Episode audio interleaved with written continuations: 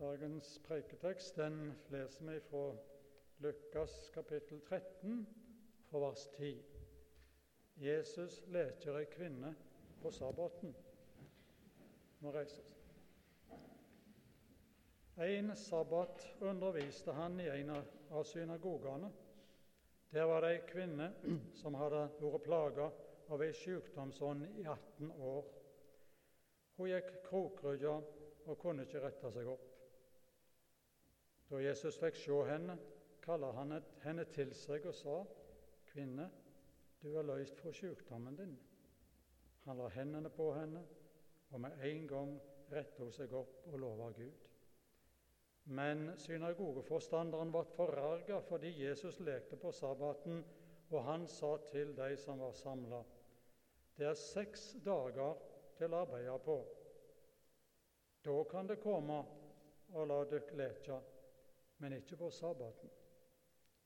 Hyklere, svarer Jesus, løser ikke hver en av dere oksen eller eselet av båsen på sabbaten og leier de så ut så de får drikke?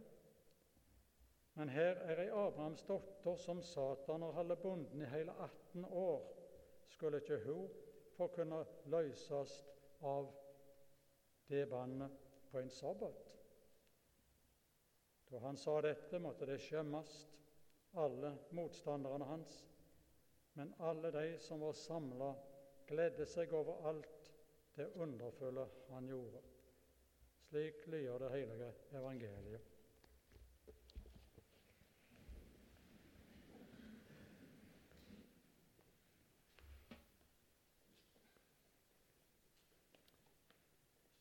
Helbredelse er en langsom prosess. Helbredelse er en langsom prosess. Et sår som skal bli bra igjen, trenger litt tid for å bygge seg opp. Et bein som er brukket, skal få tid til å lage nye celler og bygge over det som ble brukket.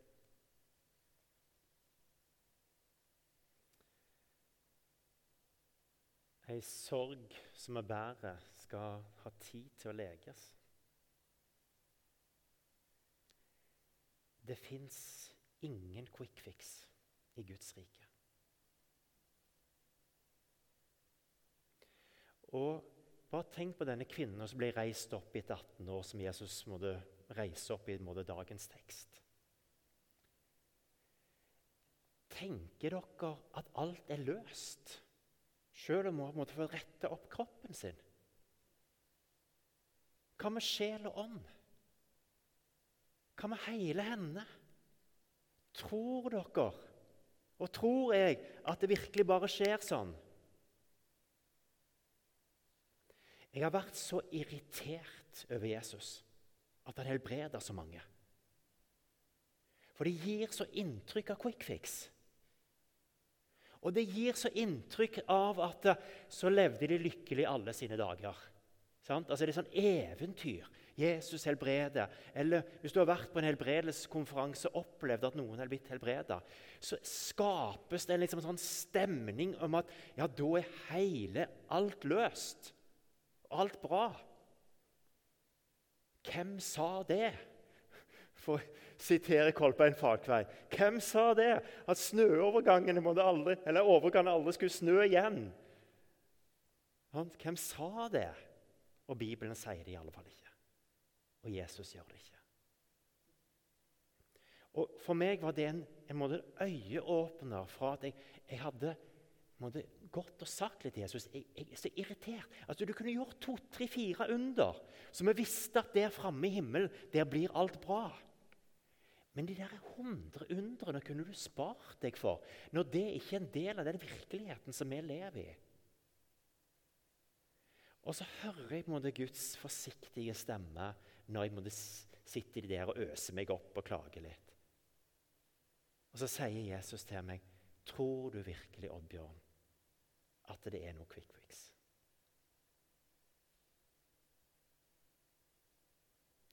Og For meg så ble en annen helbredelsestekst egentlig den som Jesus brukte for å åpne litt opp for meg. For det var han der romerske soldaten som kom til Jesus i Kana og hadde en syk sønn. Og hvor Jesus sier bare 'Han er blitt frisk, du kan gå hjem.' Og så går han, sant vel, uten å ha sett hva som skjedde. Men på veien hjem og så halvveis etter godt et par timer så møter han de andre som på vei andre veien, og så får han vite at sønnen ble frisk akkurat idet Jesus sa det.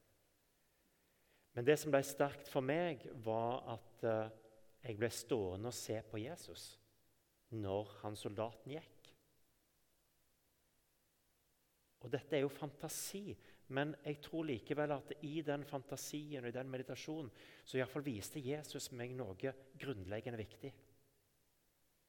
Fordi idet jeg står og ser på Jesus, så begynner Jesus å grine. Og Jeg blir sånn overraska. 'Jesus, hvorfor griner du?' 'Sønnen blir jo frisk igjen.' Dette er jo en story med happy ending. Han blir frisk igjen. Og så ser Jesus på meg måtte, i meditasjonen, og så sier han det. Ja, sønnen ble frisk igjen. Eller hvis vi går inn i presens sønnen blir frisk igjen. Men jeg vet ikke om de klarer å redde ekteskapet. For det har vært så tøffe ting å leve med et sjukt barn over lang tid. Og ting har skåret seg. Så hvordan blir livet for denne gutten med foreldre som ikke klarer å finne ut av det? Han blir frisk igjen. Det er ingen quick fix. Alle helbredelsesfortellinger som vi møter i Nytestamentet, har en større kontekst. Og uten å se den så får vi ikke tak i underet på at helbredelse er en langsom prosess og at det handler om både ånd, sjel og kropp. Hele mennesket. Hele oss. Og På samme måte som et sår trenger tid, og en sorg trenger tid, så, så er vi trenger tid for å ta imot Guds helbredelse i livene våre. Og av og til kommer de òg på litt uventa vis. Men la oss hoppe til en helt annen kontekst. Inger Stokkeland ble intervjua i Vårt Land, og jeg kjenner henne fra Ålgård. Hun har cerebral parese. Ble skada i fødselen. Og Det som står på en måte som en sånn stor overskrift, er at funksjonshemming er ikke noe hinder for Gud. Funksjonshemming er ikke noe hinder for Gud. Og så er det en vakker fortelling, og det har møtt Inger òg. Altså, ei tøffe dame. Og som blir aktiv i meg etter hvert. Uh, og jeg tenker, det, det, sier noe flott om Imi, som har hatt fokus på masse helbredelse det ene andre, som våger å ta Inger inn som en av forbedrerne i sitt team. Og Jeg ser så levende for meg måte, Inger med sin kropp som måte, ikke kan holdes i sjakk, og måte, det er tungvint å reise, som blir med å reise til Thailand for å være med på en lederkonferanse for kristne ledere i Asia.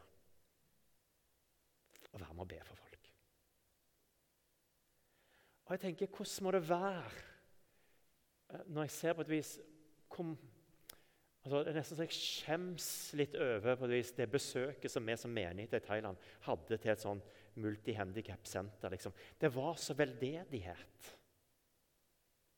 Og det var ikke noe møte. Og det var, det var så stor redsel for synlig funksjonshemming at mange familier holdt det skjult. Og Kontrasten mellom det besøket som vi hadde med menigheten på dette senteret i Thailand, og det å reise med fire ungdommer med funksjonsnedsettelse og foreldrene til Ecuador, på Misjonsalliansens senter, der det skjer et møte mellom en autist som ikke har språk, og noen andre. Og så ser du de leger i lag. Og der står faren til to jenter med Downs. og ser inn i øynene på en andre far, og begge står med tårer i øynene, med stolthet over døtrene sine.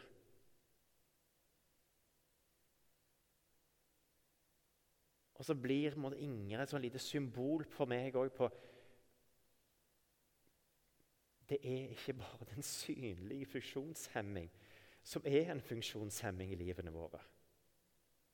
Og I samme artikkel som var til vårt land, så, så er det estimert at en femtedel av oss lever med en eller annen form for funksjonshemming eller nedsatt funksjonsevne. Og alle lever med opp- og nedturene, og at vi blir satt ut av og til.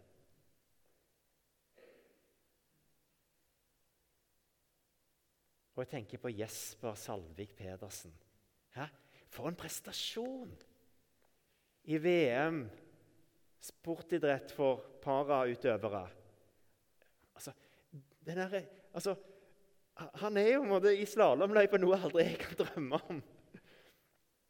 Og så er det måte, så, så, gøy å se hans vitnesbyrd om faren og dynamikken i det. Og Det sier meg noe om at Guds vei til helhet eller helbredelse går òg så utrolig mange omveier. Og det er så overraskende av og til hva som berører oss. Og Jeg kjenner på en måte Jesper òg at det, det, det, er gøy å se. Og det er gøy å se hva han får til med de begrensningene han har. Og livsglede og livsutfoldelse er en frykt som vokser fram. Det er ikke noe vi bare kan forsyne oss av. Det er noe som vokser innenfra, og noe som er noe større enn bare å plukke. Vi hopper litt tilbake igjen. Helbredelse er en langsom prosess. Og Jeg tenkte litt på, jeg syns Bartimeus er et godt forbilde for meg på det der med Det er lov til å rope til Gud. Det er lov til å klage. Kyrie eleison, som vi har i vår liturgi, er Bartimeus sitt rop. Og det er òg en sånn en, en, påminnelse om at at veien til helbredelse ikke bare handler om det er en eller annen løsning der framme. Men jeg, jeg, har fått en større respekt for at ropet vårt, klagen, òg er en del av veien som Gud jobber med oss. Jeg har vært redd for å klage. Og jeg har tenkt liksom i, i møte med en del folk altså, Slutt å sutre. Det er folk som har det verre enn deg. Sant? Litt sånn den der Veldig koselig å bli møtt med. sant vel? Iallfall når venner sier det. Slutt å sutre nå. Det er folk som har det verre enn deg. liksom. Ja. Og, og, vi kan tenke de der inni oss. sant vel? Og jeg føler meg litt sånn ah, jeg, jeg er ikke mer romslig enn som så. Men jeg tror det som var forandringen, var egentlig at Jeg kom over et lite sitat. så Det var den ene måten, inngangen i akkurat det å begynne å tenke nytt om det. Men det var en som hadde skrevet 'Klagen sorgen, gleden og håpet har lovet hverandre evig troskap. Og plutselig så ble ikke klagen noe som var feil. Men klagen blir en måte å snakke sant om livet vårt. Og jeg hadde en Det var litt sånn dag på retreat i november. Jeg gikk og klagde hele dagen. Jeg lagde mitt egen klagemur. Og så gikk jeg der og sutra og klagde litt og spente i stein og heiv på noen steiner og sa Smått og stort. sant? Alle de der småtingene òg som jeg ja, og det var, det var, noe herlig å være sammen med Gud og bare få lov til å sutre litt og klage litt. Og Bibelen vår er full av klagesalmer som òg rommer både små og store ting. Det er ikke bare de store, men det er noen små ting òg innimellom der. Som kan virke så smålige på et vis for de som sier de, Men Men kanskje det er òg et skritt mot helbredelse. Det å våge å sette ord på både det som er, og det som har skjedd, og det som påvirker oss, og vanskelige ting. Men så har du òg den man kaller ofte det for den svarte sorgen, det som måtte ha skjedd, og som har påvirka oss på et eller annet måte, som har skada noe eller gjort noe. Men så har du den hvite sorgen på alt det som ikke blir. Alt det vi drømte om, eller alt det som ble så annerledes. Og det er godt å klage over begge deler. Og så skjer det noe med oss. Og jeg tenker på Bartimeus at Han møter andres fordommer i forhold til sin funksjonsnedsettelse og må det være plass for ham hos Jesus. Han møter sin egen tvil. Og jeg er helt sikker på at Bartimeus hadde på et eller annet tidspunkt gitt opp håp om å komme til Jesus eller bli møtt av Jesus. Hvis ikke han hadde fått den hilsen fra de som står rundt. Vær ved godt mot. Jesus kaller på deg. Plutselig er det en stemme som når igjennom. Vær ved godt mot. Jesus kaller på deg. Og så begynner han mot vandringen.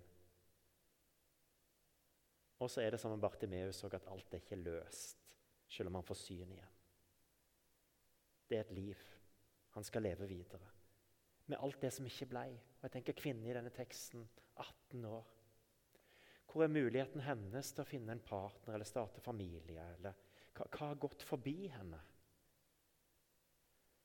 Og det kanskje handler ikke bare om muligheten til å finne en partner, men hva har skjedd med henne over så lang tid og gjennom ei ungdomstid? Og hele veien være annerledes og ikke bli bekrefta, ikke bli løfta opp hvor vakker du er. Hva gjør det med sjølbildet?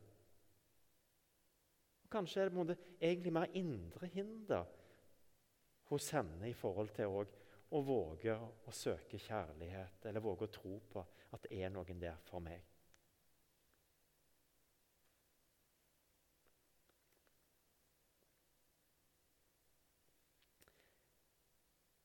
Hvor er Jesus i alt dette?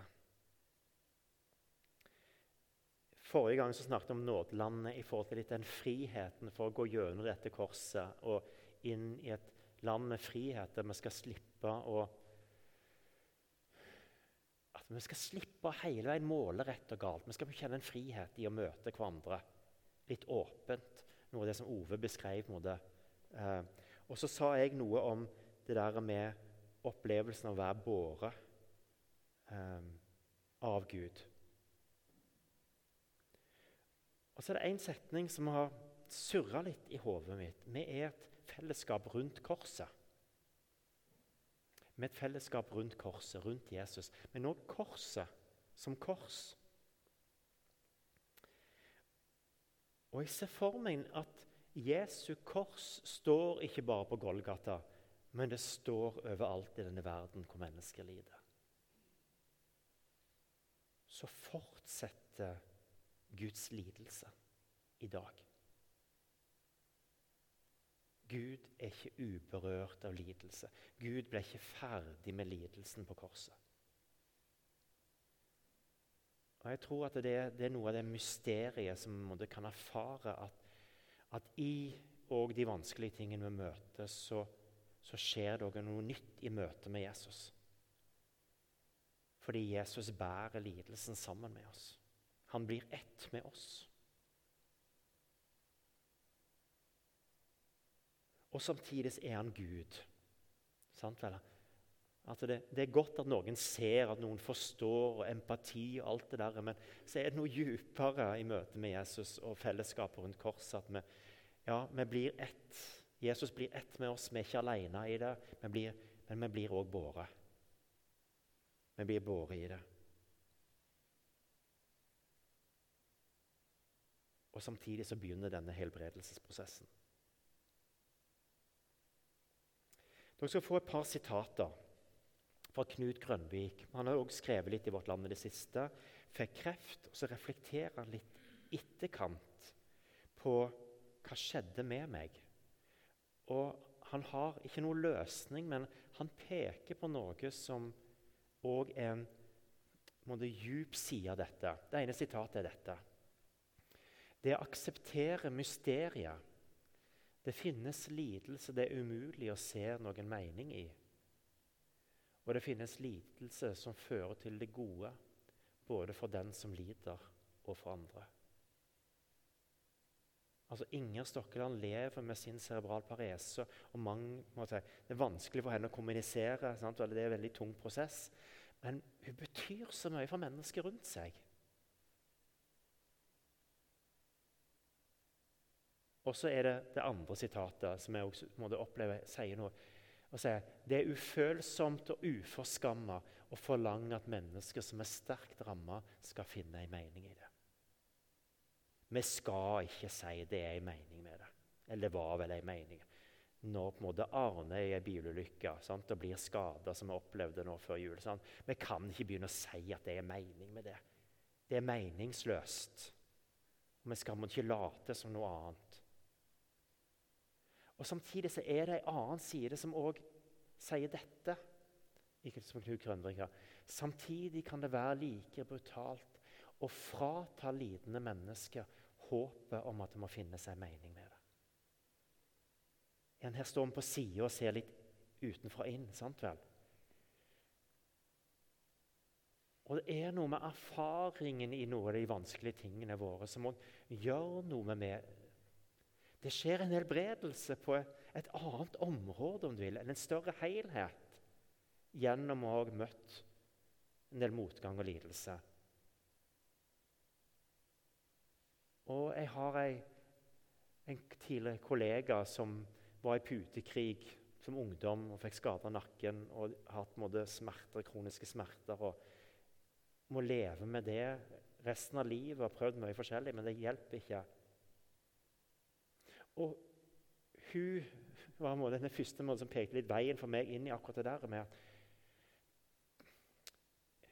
For at jeg skal klare å holde ut med de smertene, så må jeg kjenne at det er en mening i det. Jeg må finne en mening. Ja, hva mening er det å finne, da? Og så tenkte du litt høyt ja, kanskje kan jeg bety noe for andre. Kanskje kan jeg få lov til å si noe om at en Gud som går med og lider med oss. Og kanskje skjer det noe at jeg blir ett med Jesus i det å bære verdens lidelse. At det skjer noe enhet med Jesus òg i det. Og Dette her er et mysterium. og jeg tror Vi skal ikke finne ord som gjør at det går opp, men det ligger noe der. Det ligger en hemmelighet der. Og jeg aner noe av det, og gjennom det jeg sjøl har opplevd, så aner jeg noe av denne enheten med Jesus. Som jeg aldri ville vært foruten om jeg ikke hadde opplevd de mørke tingene. Helbredelse er en langsom prosess, og en har sagt 'trust in the slow work of God'. Stol på Guds sakte arbeid. Jeg har to opplevelser av helbredelse det siste året. Ingen av de er quick fix. Eller det siste halvannet året. Den ene fortalte jeg for et år siden. Jeg gikk på pilegrimsvandring til Røldal.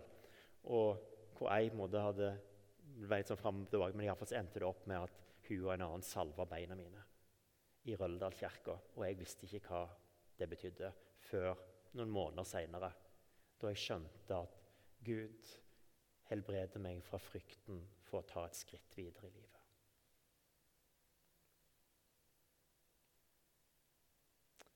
Den andre var nå på Utstein i november, hvor jeg på ny kjente litt på På skuffelsen over å ikke få være langtidsmisjonær i Thailand. Som var livsdrømmen fra jeg var tolv år.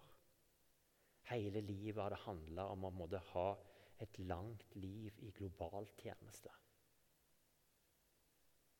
Og Så reiser vi hjem etter fem og et halvt år, og så blir vi en del av statistikken på disse nye misjonærene som ikke blir så lenge ute. Og det å møte misjonsfolk og kjenne på en sånn skam, nederlagsfølelse eh,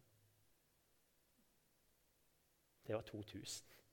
Altså det, det er 22 år siden. I november i år så kjenner jeg bare på en den der skammen og nederlagsfølelsen bare skyller litt over meg på nytt.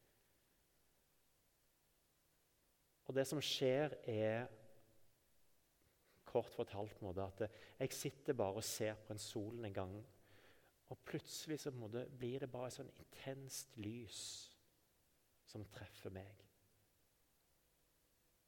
Og så begynner måte, Gud en sånn langsom prosess på å endre tankemønsteret mitt i forhold til det å ha vært misjonær i Thailand. Og så er det som han sier, Oddbjørn Er du klar over alle dørene jeg åpner for deg i Thailand? Er du klar over at du fikk oppleve På fem og et halvt år i Thailand så fikk du oppleve det som andre misjonærer, noen misjonærer, ikke har kanskje opplevd på 30 år. Ser du ikke alle dørene jeg åpner for deg? Og så sa han en ting til at ingenting er forgjeves. I Guds rike ingenting forgjeves. Og ser du ikke at jeg har vist deg det? Og Så kommer en liten historie tilbake meg der vi er tilbake på ferie ti år seinere og er på stranda i Hua Hin, Sør-Thailand. Så ringer telefonen fra da kan si, ei alminnelig måte, hushjelp. Hun hadde det med givertjeneste òg, så hun har tydeligvis måtte blitt en eller annen sånn forbilde for meg. Og så sier hun bare det at Oddbjørn, jeg er blitt minnet om å be for deg. Så begynte bare tårene mine å renne.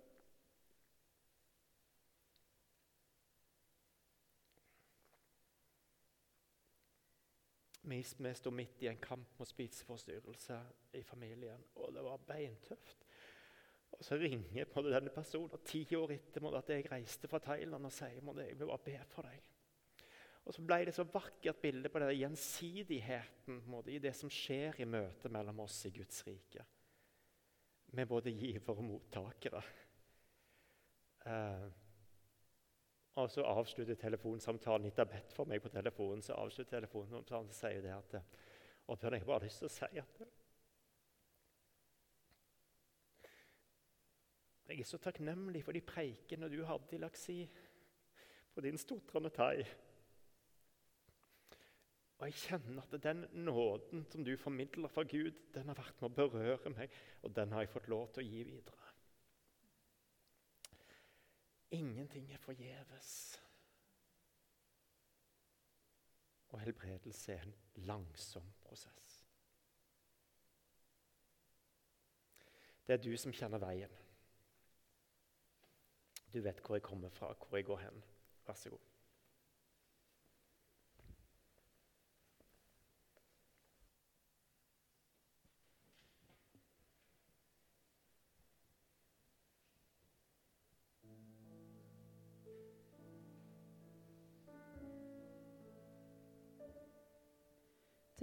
Du som kjenner veien jeg har for meg. Det er du som kjenner alle mine steg før de blir til. Det er du som skaper håpet jeg har inni meg. Det er du som vet om alt det som jeg innerst inne. For du vet akkurat hvordan jeg er. Og du ser akkurat hva jeg trenger nå. Og du vet akkurat hvorfor jeg er her. Jeg ber om å få se hvor jeg skal gå. Hjelp meg å se hvor jeg skal gå.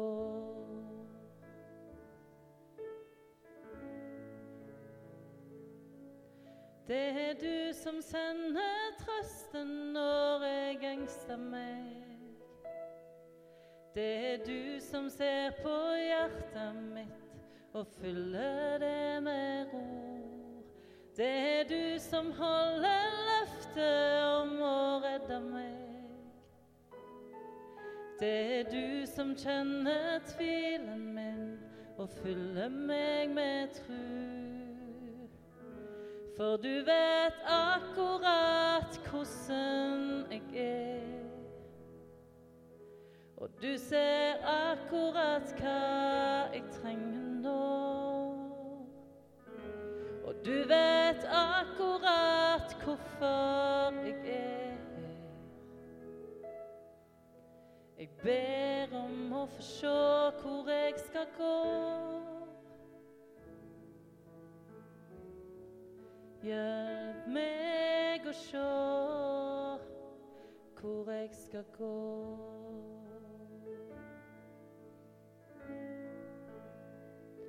For du har drukna meg i kjærlighet. Og når det er sommer i livet, er det noen ting jeg vet.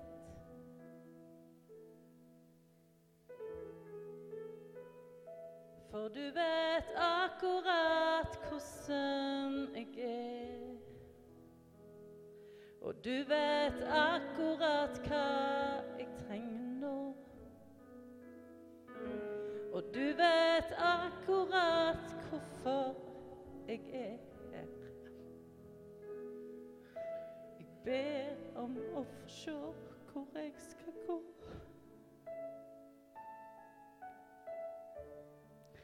Hjelp meg å se